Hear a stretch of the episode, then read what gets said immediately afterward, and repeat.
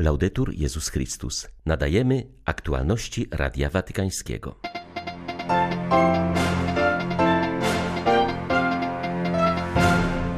Wiara daje nam odpowiedź na wszystkie odwieczne pytania człowieka, przypomina papieski kaznodzieja kardynał Raniero Cantalamessa. W Watykanie trwają wielkopostne rekolekcje papieża i kurii rzymskiej. Stolica Apostolska przygotowała przewodnik na rok modlitwy. Będzie on dostępny również w języku polskim. Wiara daje nam moc, aby przetrwać i dalej walczyć, mówi biskup Witalij Skomorowski, przewodniczący łacińskiego episkopatu Ukrainy. 21 lutego wita Państwa Krzysztof Bronk. Zapraszam na serwis informacyjny. Watykanie trwają rekolekcje papieża i kurii rzymskiej. Od czasu pandemii odbywają się one w formie indywidualnej. Na każdy z tych dni kaznodzieja domu papieskiego przygotował jednak dwuminutowe rozważanie przeznaczone dla odbiorców watykańskich mediów. Dziś kardynał Raniero Cantalamessa skupił się na pytaniu, które Pan Jezus postawił świętej Marcie przed grobem jej brata Łazarza. Wierzysz? Odstaw na chwilę na bok to wszystko, czego nauczyłeś się z katechizmu i co powtarzasz w wyznaniu wiary. Wejdź w tę intymną przestrzeń, w której jesteś tylko ty i Bóg i zadaj sobie to pytanie: czy wierzę? Święty Paweł mówi, że sercem wierzymy, a ustami wyznajemy. Czy moje wyznanie wiary wypływa z serca? Wiara otwiera nowe horyzonty, tylko ona może nam dać odpowiedź na odwieczne pytania człowieka: kim jestem, skąd pochodzę, dokąd zmierzam. Era cyfrowa podsuwa nam nowy obraz, który może nam uświadomić, czym jest wiara. Sieć internetowa. Wchodzisz na stronę Google i jesteś połączony. Cały wirtualny świat stoi przed tobą otworem. Coś podobnego daje ci wiara, bez kabli, bez żadnych dodatkowych kosztów. Krótka modlitwa, proste poruszenie serca, jedno spojrzenie na obrazek Jezusa na twoim stole i jesteś połączony. Połączony nie ze światem wirtualnym, lecz rzeczywistym, jedynym, który jest naprawdę rzeczywisty, bo wieczny, bo jest to świat Boży. Perché il mondo di Dio. Dykasteria Nauki Wiary nadal prowadzi dochodzenie w sprawie księdza Marka Rupnika, byłego jezuity i znanego mozaikarza, któremu zarzuca się psychiczne i seksualne wykorzystywanie dorosłych kobiet, w tym zakonnic. Dziś w Rzymie odbyła się konferencja prasowa dwóch ofiar słoweńskiego kapłana. Jak podało Watykańskie Biuro Prasowe, w ostatnich miesiącach Dykasteria Nauki Wiary skontaktowała się z zaangażowanymi w tę sprawę instytucjami. Poszerzono też zakres dochodzenia. Obecnie trwają badania pozyskanej dokumentacji. Sprawę księdza Rupnika skierował do dykasterii papież Franciszek w październiku ubiegłego roku.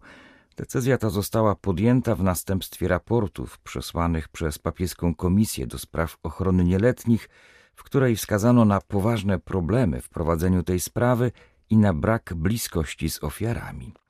Dziś rano odbyła się konferencja prasowa dwóch byłych zakonnic ze wspólnoty Loyola. Opowiedziały one o fizycznym, psychicznym i seksualnym wykorzystywaniu ze strony księdza Rupnika. Zapewniły, że nie chodzi im o zemstę, lecz o ustalenie prawdy i uczynienie zadość sprawiedliwości. W kwestii walki z nadużyciami na dzieciach ciągle stoimy w wielu miejscach przed licznymi wyzwaniami – zaznacza członkini papieskiej komisji do spraw ochrony nieletnich, psycholożka kliniczna Emile Rivet-Dival. Dziś przypada piąta rocznica watykańskiego szczytu w sprawie nadużyć. Pomagająca od 18 lat przy diecezji Port Louis na Mauritiusie kobieta w watykańskiej instytucji zajmuje się głównie rejonem Afryki oraz wysp Oceanu Indyjskiego. Zaznacza, iż pomimo wychodzących na jaw trudności, widać chęć poprawy sytuacji w kościołach lokalnych. Z tego, co mogłam zaobserwować tak ogólnie, uważam, że istnieje wola w konkretnych krajach, konkretnych konferencjach episkopatów, aby pójść naprzód w tej kwestii, pozwolić się zakwestionować i być w stanie przyjąć dobre odruchy w zakresie kultury ochrony. Często dociera do mnie, iż brakuje zasobów, na przykład ludzkich i finansowych. Czasami brakuje również przejrzystości i trochę wsparcia w zakresie tego, jak od czego zaczynając można wdrożyć całą tę kwestię ochrony nieletnich. czyli co można zrobić, aby pomóc ofiarom przerwać milczenie, ale także pomóc dorosłym prawdziwie wysłuchać tego, przez co przechodzą młodzi. Dekasteria do spraw ewangelizacji opublikowała na stronie Jubileusz 2025 książeczkę Naucz nas się modlić. To swoisty przewodnik dający wskazówki rodzinom, parafiom i poszczególnym osobom, jak rozwinąć życie modlitewne w związku z przeżywanym obecnie rokiem modlitwy. Publikacja odnosi się do różnych miejsc i środowisk, gdzie zwracamy się do Boga. Poszczególne rozdziały dotyczą więc modlitwy w parafii, rodzinie, w życiu młodych, w sanktuariach itd. Tak Przykładowo w odniesieniu do rodzin przypomina się o dobrym zwyczaju modlitwy przed i po posiłku, proponując także konkretną formułę. Pisząc zaś o mszy, autorzy zwracają pokrótce uwagę na znaczenie konkretnych elementów liturgii. Przewodnik bazuje na nauczaniu papieża Franciszka i ma służyć pomocą w dobrym przeżyciu roku modlitwy. Obecnie jest dostępny w języku włoskim, wkrótce mają zostać opublikowane inne wersje językowe, w tym polska. Mozambijscy dżihadyści wznowili swe śmiercionośne rajdy w prowincji Cabo Delgado. Lokalni chrześcijanie stają ponownie w obliczu dramatycznych decyzji. Wielu z nich musi uciekać i trafia do obozów dla uchodźców, gdzie żyją jakby w zawieszeniu, bez perspektyw na przyszłość. 12 lutego terroryści najechali na misję w Mazeze. Była dokładnie 18, kiedy weszli i przejęli miasto. Oczywiście wiele osób już wcześniej się ewakuowało, a oni weszli ciężko uzbrojeni, wspomina ksiądz Salvador Maria Rodriguez de Brito, proboszcz lokalnej parafii. Jak wyjaśnia, dżihadyści zniszczyli szkołę, urząd, a także lokalne centrum medyczne. Również po budynkach kościelnych zostały tylko gruzy. Wszystko strzeliwali z broni maszynowej, wszystko równali z ziemią, palili namioty, domy, samochody, podkreśla ksiądz de Brito. On sam zdołał jedynie uratować Najświętszy Sakrament oraz Księgę Obrzędów Sakramentalnych.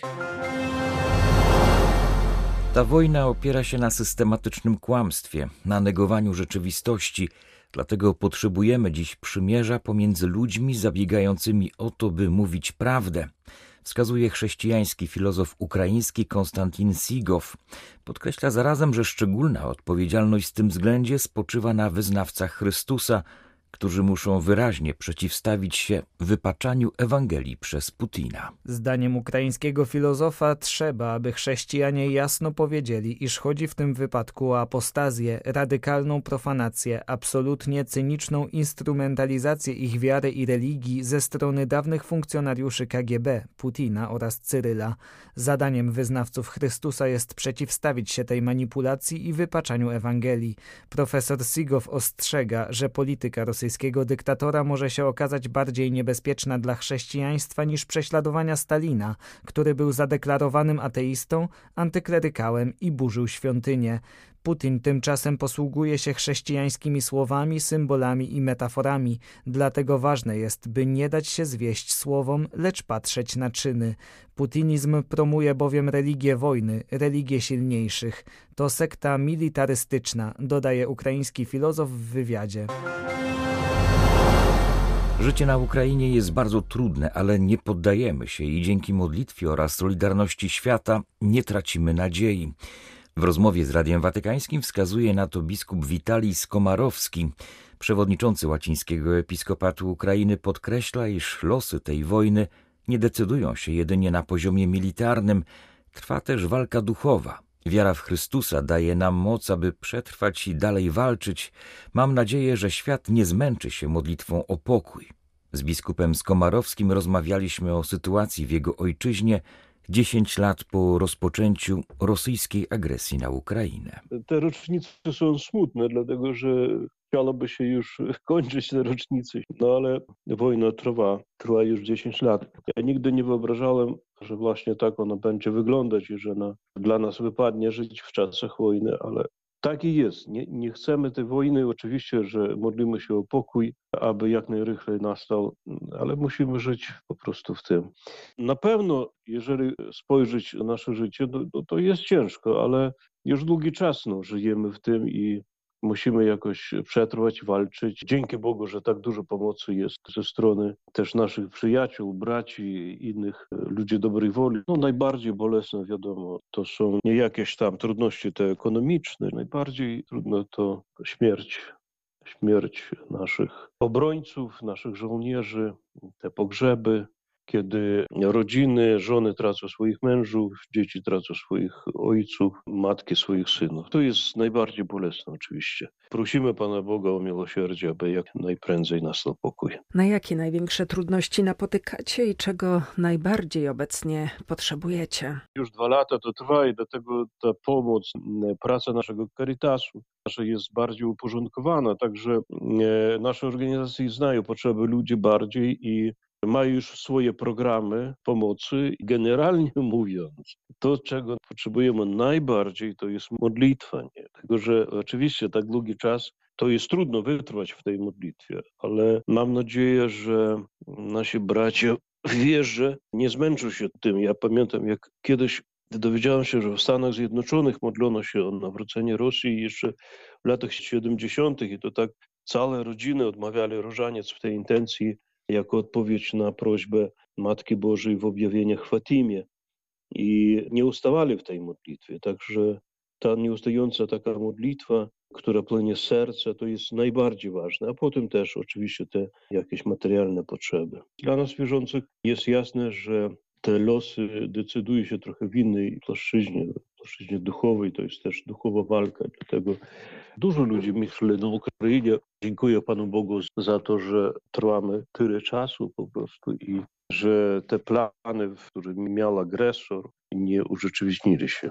Na pewno to jest cud Boży, tak, tak to oceniamy i za to bardzo Bogu dziękuję. Jak wojna zmieniła życie duszpasterskie na Ukrainie? To zależy oczywiście od regionu, dlatego że w tych diecezjach, gdzie trwają te walki, na przykład charkowsko-zaporożskiej i odeskiej jest inna sytuacja. Są parafie, które są w okupacji, i niektórzy z nich pozbawieni duszpasterskiej opieki. To jest inaczej, jeżeli ta linia frontu jest bardzo bliska. Natomiast y, w innych miejscach duszpasterstwo się zmieniło, no, dlatego że bardzo dużo ludzi wyjechało, naszych parafian też. Druga sprawa, że też bardzo dużo ludzi przyjechało do nas z ewakuacji, prawda, z tych gorących takich miejsc. Przyjechali tutaj na zachód Ukrainy, do centralnej Ukrainy. No i to się zmieniło może nie tak duszpasterstwo, jak y, potrzeba pomocy tym ludziom. Parafie i diecezje bardzo pracują na tym, żeby tym też uchodźcom pomóc tym, czym możemy. Była i woda, i produkty żywnościowe, i higiena. Natomiast w zasadzie praca duszpasterska, ona została taka, jak jest zawsze, żeby dać ludziom siłę, nadzieję, pokrzepić też duchowo, dlatego że to jest bardzo ważne, aby moglibyśmy dalej żyć i pracować. Na całej Ukrainie trwa teraz nowenna do patrona waszej ojczyzny.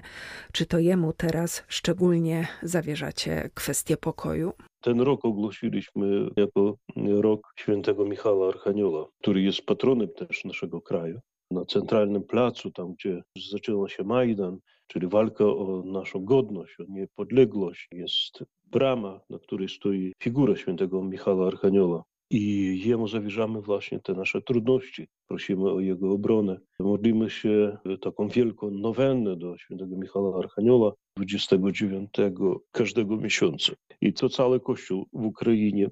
Słyszałem bardzo dużo świadectw o tym, że ktoś doznał, po prostu doświadczył takiej cudownej obrony e, w trudnych sytuacjach tej walki. Mówię, że tam na, na tych walkach nie ma ludzi niewierzących. To jest też nasza siła, siła naszej wiary, wiary chrześcijańskiej, która daje nam to moc, aby przetrwać, aby walczyć też. Były to aktualności Radia Watykańskiego. Laudetur Jezus Chrystus.